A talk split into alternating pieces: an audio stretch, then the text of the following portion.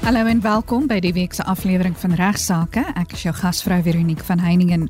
In die week se episode van Regsake praat Ignas Kleinsmid onder meer oor mense met verbande wat sukkel om dit stiptelik af te betaal en natuurlik die gevolge daarvan. Hy praat ook oor transporttransaksies wat platval of gekanselleer word en laastens praat hy ook oor korrupsie op munisipale vlak. Ja, ek dink jy sal saamstem maar kan lees dan nie 'n koerant oopgemaak word of 'n nuusberig wees waarin daar nie oor en weer korrupsie beweer word deur verskillende politieke partye teen mekaar op munisipale of plaaslike vlak nie. In die tweede deel van regsaake het ek twee spesialisgaste genooi wat onderskeidelik gaan praat oor die padongelukke fonds en oor uitklaringssyfers.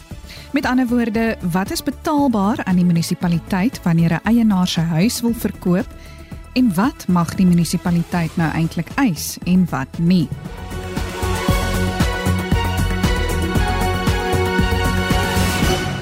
Ons skop die week se program af met Ignas wat praat oor huisverbande wat nie stiptelik afbetaal word nie. Goeiemôre luisteraars, wat 'n lekker om weer met julle almal te gesels. Dankie dat jy ingeskakel is en ek gaan my bes probeer om namens die prokureur sou vir u so ietsie te leer wat dalk in die toekoms vir u op die regsgebied van waarde mag wees. Dis 'n groot probleem in Suid-Afrika, seker maar oor die wêreld dat baie mense wat verbande het soms sukkel as gevolg van ekonomiese omstandighede om die verbande op datum te hou met stiptelik af te betaal. Hulle gee dan bloot die huis terug en uiteindelik maar dan baie keer die houding van sand in die kop steek, volstryspolitiek, dink dit sal weggaan. Maar natuurlik dis groot moeilikheid soek. Daai in die nagte wakker lê en wonder hoe ek gaan betaal en dan uiteindelik niks doen nie totdat die bank maar die huis kom terugvat nie, is eintlik die wyse waarop mens groot skade ly. Soos gebeur het met mevrou anoniem het 'n huis gekoop. Die huisdiening bekom daar aan die rand en einde die koopprys te betaal. Na 2 jaar kon sy nie meer haar maandelikse paaiemente bybring nie en het sy die regte ding gedoen en met die bank ooreengang kom dat hulle die huis sou terugneem.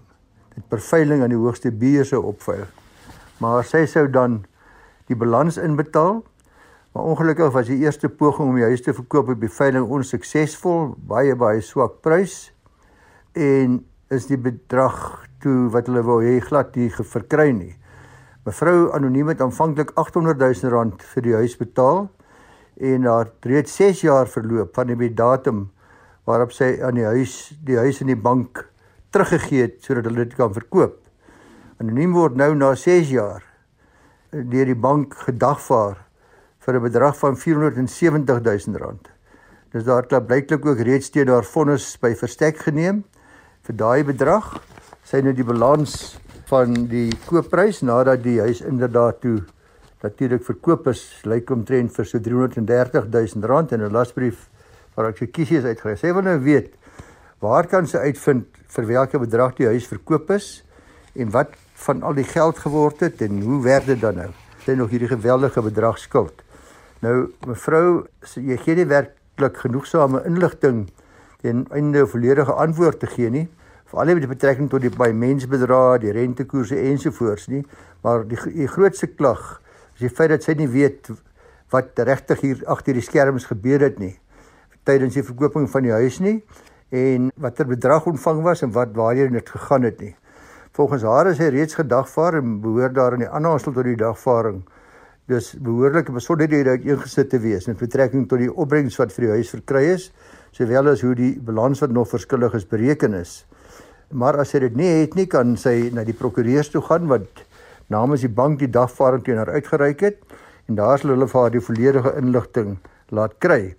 Indien dit se blyk dat daar wel 'n ongeruimdheid bestaan rondom die opbrengs van die huis teen die bedrag waaroor sy nou gedagvaar word, dan moet sy maar so spoedig moontlik 'n ander prokureur gaan sien om toe te sien dat die tersydestelling van die vonnis wat blykbaar teenoor gegee is gedoen word. Met vorige ondervinding egter luisteraars weet ek al blyk dit dikwels dat die banke redelik konsekwent is en standaard prosedure het wat gevolg moet word in hierdie gevalle. Dit blyk uit die feite deur mevrou anoniem voorsien dat sy vir haar kant af geen werklike poging aangewend het behalwe daar reg in die begin om presies uit te vind wat die posisie is nie en toe die veiling nou nie eers een die werk nie het sy haar verder nie daaroor gestuur nie. vir 4 jaar nie. Dit gebeur baie dat navraag verkry word van kliënte waar hulle sielsongelukkig is oor regsou geleenthede waar daar teen hulle opgetree is maar wat hulle self niks gedoen het nie. Nou hulle het geen moeite gedoen om hulle belange te beskerm nie. Want dis eintlik die belangrikste ding. Ek sou byvoorbeeld dink dit sou na belang gewees het om ook self die eiendom te probeer bemark of om ook self te probeer reël dat potensiële kopers die veiling bywoon. Ter opsomming sou ek aanbeveel dat sy die bank kontak of die bank se prokureurs soos ek gesê het om die berekeninge te kry. Hulle sal dit vir haar gee sonder om te kibbel as alles reg is. Wanneer geld daar die bank terugbetaal word vir huisdienings word die rente ten opsigte van so 'n lening eers gedek, daarna die kapitaal en is dit moontlik dat na 'n paar jaar se paemente betaal is, die kapitaalbedrag uitgeleen nog geensins naby gedelg is nie. Het ook daarop dat afhangend van die ligging van die huis en die toestand daarvan word dit gewoonlik by openbare veiling of 'n veiling van die balie en nie vir die werklike markwaarde verkoop nie. So as u begin besef luisteraars dat u gaan u verband u sukkel met u verband terugbetalings gaan sien die bank se gou is moontlik. Hulle is heel behulpsaam om vir die ander planne voor te stel op die kort en medium termyn. Jy weet dit uitstel nie gaan help nie. Verkoop dan liewer die huis so gou moontlik terwyl daar nog 'n kans is om die huis te verkoop en u nog in die huis nog goed lyk en u nog in die huis woon. Moenie wag vir wonderwerke om te gebeur nie en uh, minimaliseer so u potensiële skade. Daar gaan nie 'n wonderwerk gebeur as u weet dat u 'n huis bokant u vuurmaakplek gekoop het nie en dat u finansiële posisie nie dramaties gaan verbeter nie. Gaan jy die huis verloor? maar jy gaan steeds verantwoordelik bly soos in hierdie geval vir die aansienlike balans wat nog op die huis verskuldig is. Goed, gaan bespreek nou 'n ander onderwerp en die keer handel dit oor transporttransaksies wat platval of gekanselleer word. Mevrou Storm van Swartwater skryf: "Meneer Storm, jammer, hy het 'n woonstel gekoop en die transaksie is toe gekanselleer. Tweede ooreenkoms is opgestel en dit is ook later gekanselleer. In beide gevalle was dit nie sy skuld dat die kansellasie plaasgevind het nie, maar die kansellasie wel goedgekeur. Daarna het die prokureur vir hom 'n rekening gestuur. Hy het dan aanvanklik so aanvaar en die rekening begin afbetaal in Januarie. In Augustus het hy sy betalings gestaak en dreig die prokureur nou om voort te gaan met verdere stappe. Hy is tevrede dat hy verantwoordelik is vir 'n gedeelte van die rekening, maar die verspille koste vir die oordrag van die registrasie van transport word deur hom 'n vraagteken. Nou verreweg die meerderheid van koopooreenkomste luisteraars sal jy sien en dit is waarskynlik hier ook die geval word uitdruklik op skrif in die koopkontrak bepaal dat die koper verantwoordelik is vir die koste van 'n koopooreenkoms asook die kostes van transport. Dit lyk ook of die luisteraar dit so aanvaar of hy het nie probleem gehad met die betaling van die koopooreenkomste self nie.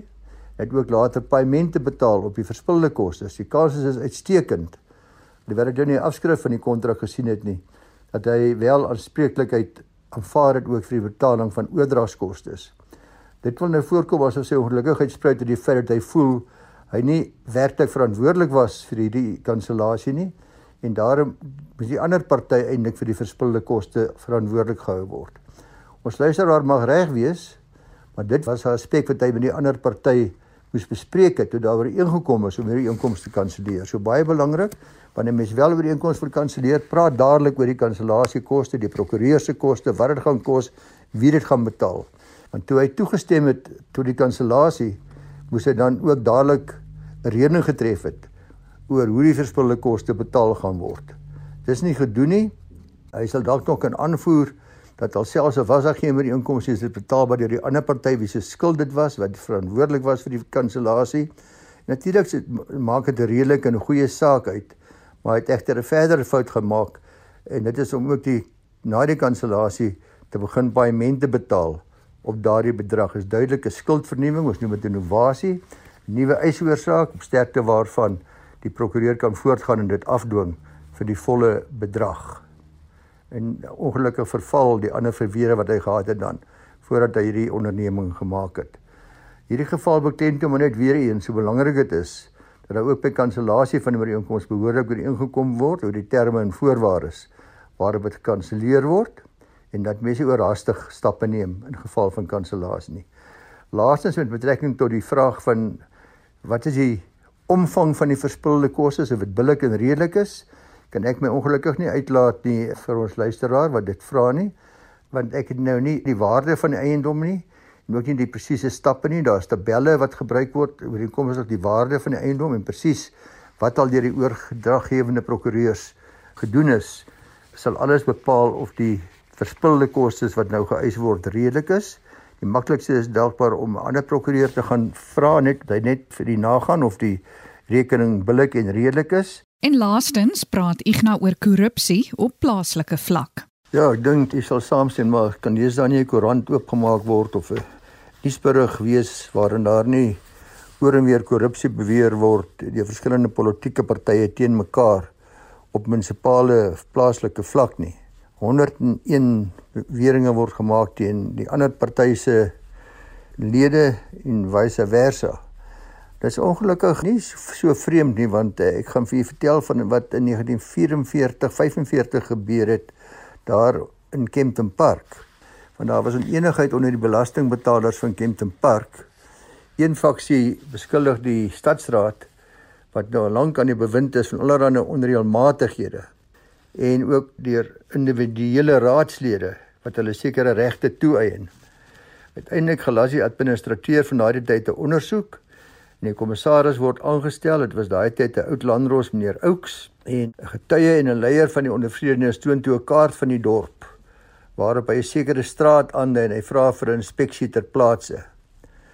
Nou toe die landros daar kom en die groep mense daar kom toe was daar nie so 'n straat nie, maar in plaas van die straat wat hy aangedui het aan die einde van die dorp, was daar 'n vrugteboord. Die rede 'n stadsraadslid, ja, stadsraadslid het aan weerskante erwe gehad waarop hy boorde aangelê het en toe sommer die twee dele gekonnekteer deur middel van die straatboord. So het die straat ook ten volle toegeplant met sy boord en uh Mense praat soms skertsend van uh, mense koop 'n plaas in Elofstraat, maar nou ja, daar het hulle pers gegee van bome in die middel van Kempton Park Straat 1944-45. Ek het nog nie van sulke korrupsie gehoor hier in Suid-Afrika nie. Groete aan die almal en 'n lekker dag. Hoop om die volgende week dieselfde tyd weer met u te gesels. Dankie Igna. Die week sluit my eerste gasprokureur Susan de Wet van van Velden Duffy Prokureurs in Rustenburg by my aan. Susan spesialiseer in derde party eise en sy praat vandag spesifiek oor die padongelukke fonds. Ek het nog 'n spesialis gas genooi, ook van van Velden Duffy Prokureurs, en hy spesialiseer in boedels, kontrakte en aktes. Hy praat in die episode oor uitklaringssyfers. Met ander woorde, wat is betaalbaar aan die munisipaliteit wanneer 'n eienaar sy huis wil verkoop en wat mag die munisipaliteit nou eintlik eis en wat nie? Maar intussen verwelkom ek eers vir Susan de Wet wat praat oor die padongelukke fonds oftewel die POF. Goeiedag Veronique en luisteraars.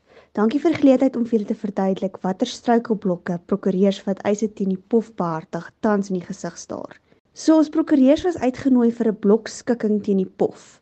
Maar dit wil vir my voorkom of die POF nie voorsien het dat soveel firmas sou opdaag nie. Want die oggend van die eerste dag het ons reeds berigte ontvang van prokureurs wat oorgeslaap het by die lokaal waar die skikking sou plaasvind en dat firmas teen 4 uur die oggend gearriveer het en was reeds toe al die 90ste in die ry. Dis alles hoorsie natuurlik, maar ek kan vir julle vertel wat my ondervinding was. Ek het omstreeks 9 uur opgedaag en was reeds 217de op die lys. Teen 1uur die middag het ons wat buite gestaan het, gehoor dat daar onluste uitgebreek het in die lokaal en dat die skikkings nie daardie dag sou voortgaan nie. Ongelukkig het die tweede dag nie veel beter gegaan nie. Daar was weer prokureurs wat oorgeslaap het sodat hul naam hoog op die lys sou wees en moontlik gehelp sou kon word. Ek het voor 6 in die ry gestaan en was daar reeds oor 'n 300ste op die lys. Ons het die heel dag gewag net om te hoor teen 4:00 die middag dat ons nou opgedeel gaan word in groepe. En as jy 'n sekere deel van die ry gestaan het, gaan jy dan nou in 'n sekere groep wees en dan gaan jy 'n allocasie kry na 'n spesifieke dag. Susan, dit klink uitdagend, maar net gou weer vir die luisteraars, wat is die padongelukke fonds of die POF nou weer? Die padongelukke fonds bied verpligte dekking aan alle gebruikers van Suid-Afrikaanse paaie, buitelanders en burgers. En dit bied spesifiek dekking teen beserings of dood wat opgedoen word as gevolg van ongelukke met motorvoertuie binne die grense van Suid-Afrika. Nou wat is blokskikkings? 'n Blokskikking is 'n geleentheid vir prokureurs om sake direk met die pof te skik sonder om op verhoor te gaan en verder kostes op te jaag. En net laastens Susan voor ons by Janus Olivier aansluit. Hoekom is dit so belangrik om met die padongelukke fonds te skik? Dit is baie belangrik vir prokureurs om die geleentheid gegee te word om hulle eise te skik met die padongelukke fonds. Hoekom sê ek so? Die eerste rede is dit vat so lank om 'n verhoordatum te bekom in ons howe. Tweedens, die eisers kan vinniger gehelp raak om hulle skikkings te kry en die prokureur kan dan ook vinniger sy haar sake afhandel. Derdens, dit spaar die padongelukke fonds geld aangesien hulle dan nie litigasiekoste moet betaal, sou die prokureur dan op verhoor gaan nie. Dankie luisteraars vir die geleentheid om weer met julle te kon gesels. Kom ons hoop al die prokureurs wat so lank in rye staan, het sukses met hulle blokskikkings. Baie dankie aan Susan de Wet. Prokureur Janus Olivier van van Velden Duffy sluit nou by my aan om te praat oor uitklaringssyfers. Met ander woorde, wat is betaalbaar aan die munisipaliteit wanneer 'n eienaar sy huis wil verkoop? En wat mag die munisipaliteit nou eintlik eis en wat nie? Baie welkom by Regsake Janus. Janus, jy praat vandag met ons oor uitklaringssyfers, maar wat is dit en hoekom en waarom is dit betaalbaar? Goeiemôre Veronique en luisteraars. Ek hoop meeste luisteraars sal darm weet dat daar sekere munisipale kostes betaalbaar is wanneer jy 'n eiendom besit. Maar ek verwys hier na items soos jou jou water en krag, basiese munisipale aansluitingsfooie, verwydering van vullis en riool en natuurlik ook erfbelasting. En dis fooie wat maandeliks aan die munisipaliteit betaal moet word. Terwyl uitklaringssyfers is 'n een eenmalige bedrag wat aan die munisipaliteit betaal word en op betaling daarvan is die munisipaliteit veronderstel om die uitklaringssertifikaat uit te reik. In Engels word daarna verwys as clearance figures en clearance certificate. En 'n uitklaringssertifikaat. Waarvoor sou mens dit benodig? In kort word die uitklaringssertifikaat benodig wanneer 'n eiendom verkoop moet word. Artikel 92 van die registrasie van aktes wet bepaal dat geen transportakte in die aktekantoor geregistreer kan word sonder dat hierdie munisipale uitklaringssertifikaat wel ingedien word by die aktekantoor nie. As jy kyk na artikel 118 van die Wet op Plaaslike Regering Munisipale Stelsels, bepaal dit ook dat 'n registrateur van aktes nie eiendom mag oordra sonder dat die registrateur in besit geplaas word van hierdie sertifikaat nie. Belangrik wat artikel 118 bynoem is dat hierdie sertifikaat bevestig net dat alle gelde wat aan die munisipaliteit verskuldig geraak het gedurende die 2 jaar voor die datum dat aansoek gedoen was vir hierdie sertifikaat ten volle betaal is. So in praktyk sal die prokureur of die aktevervaardiger wat die transaksie hanteer, sal aansoek doen by die munisipaliteit vir die uitklaringssyfers. Sodra dit ontvang is, sal die verkoper tipies die uitklaringssyfers betaal want dit is dan nou nog sy krag en sy um, water wat op die syfers ingesluit is of by die syfers ingesluit is en op betaling daarvan sal die uitklaringssertifikaat uitgereik word deur die munisipaliteit. So dit is slegs nodig dat die vorige 2 jaar se munisipale gelde betaal word of hoe? Ja, artikel 118 maak dit duidelik dat die uitklaringssertifikaat net sertifiseer dat die vorige 2 jaar se munisipale gelde betaal is. Indien 'n eienaar dan byvoorbeeld 5 jaar agterstallig is met sy of haar rekening en sy eiendom wil verkoop of haar eiendom wil verkoop, kan die munisipaliteit nie vereis dat die volle 5 jaar betaal moet word voordat die uitklaringssertifikaat uitgereik kan word nie. Jy kan met ander woorde artikel 118 gebruik om 'n munisipaliteit te forceer om die uitklaringssyfers bedrag wat nou vereis word of of opgeëis word te beperk tot die vorige 2 jaar. Wat ongelukkig baie gebeur is dat wanneer aktevervaardigers aansoek doen vir uitklaringssyfers, sal munisipaliteite die volle uitstaande bedrag wat aan hulle verskuldig is byvoeg as uitklaringssyfers en dit mag hulle natuurlik nie doen nie. Dis waar artikel 118 dan baie relevant gaan word. Dit beteken nie dat skuld wat aan die munisipaliteit verskuldig is wat ouer as 2 jaar is outomaties afgeskryf word nie. Dit is net nie betaalbaar as uitklaringssyfers vir doeleindes van die uitklaringssertifikaat om uitgereik te word nie. Janus, waarom gee munisipaliteite nie net dadelik die syfers vir die laaste 2 jaar nie? Ek dink dit is omdat munisipaliteite weet dat as hulle dadelik die syfers gee vir die vorige 2 jaar en die eiendom verkoop word, gaan hulle sukkel om die oorblywende skuld by die vorige eienaar op te eis. Ons weet almal een van die metodes wat 'n munisipaliteit gebruik om skuld te vorder is om die krag byvoorbeeld af te sny. Ja, dit gaan natuurlik glad nie so goed werk as die eienaar nie meer in die eiendom bly nie. Dit gaan net die nuwe eienaar irriteer. In hierdie geval het die konstitusionele hof ook al in 'n uitspraak van Jordaan teen die Tshwane metropolitaanse munisipaliteit bevestig dat munisipaliteite nie die agterstallige rekening van 'n vorige eienaar vanaf die nuwe eienaar kan eis nie.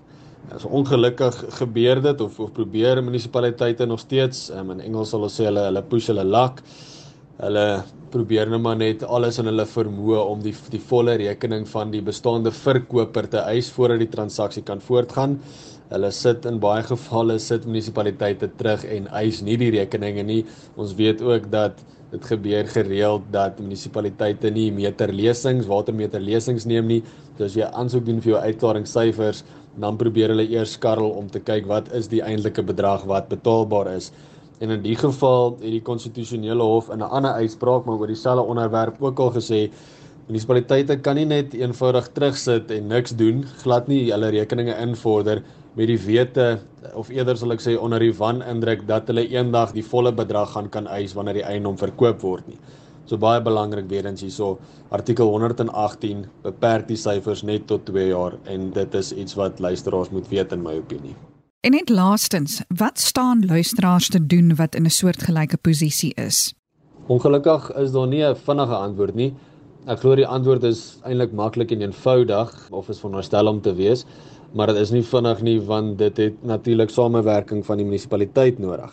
Ek weet daar's baie prokureursfirmas wat runners aanstel, as ek die Engels kan gebruik, wie nou maar 'n werknemer is wat elke dag munisipaliteit toe gaan en opvolg op agterstallige uitklaringssyfers wat probeer help om probleme uit te sorteer. Ek weet baie eiendomsagente doen dieselfde en so ook is daar 'n klomp besighede wat die laaste paar jaar opgespring het met een doel en dit is om die munisipaliteit aan te vat namens kliënte, namens verbruikers en om seker te maak die rekeninge is reg. Ek sal sê belangrik vir luisteraars is om net bewus te wees van wat hulle regte is. Die munisipaliteit mag nie skuld ouer as 2 jaar eis wanneer dit kom by uitklaringssyfers nie. Enige skuld ouer as dit word nie outomaties afgeskryf nie. Is nog steeds op eisbaar, maar moet deur die normale skuldinvorderingsstappe gaan. En dan die beste opsie bly seker maar nog steeds om self munisipaliteit toe te gaan en daar in 'n ry te gaan sit en met die relevante persoon te praat alhoewel dit deesdae al hoe moeiliker en moeiliker raak. In my ervaring word jy gestuur van bakpoort na stuurpoort en dit is dan eintlik dalk die moeite werd om iemand te betaal om die probleem namens jou uit te sorteer wat eintlik mense ongelukkig maak want dit is nie veronderstel om nodig te wees nie maar dit werk baie keer die beste. Baie dankie aan Janus Olivier, Susan de Wet en Ignas Kleinsmid van van Velden Duffy Prokureurs vir hulle interessante bydraes tot die week se aflewering van regsaake. Vir enige navrae stuur gerus 'n e-pos na my toe by vero@rsg.co.za. Van my Veronique van Heiningen groete tot volgende week.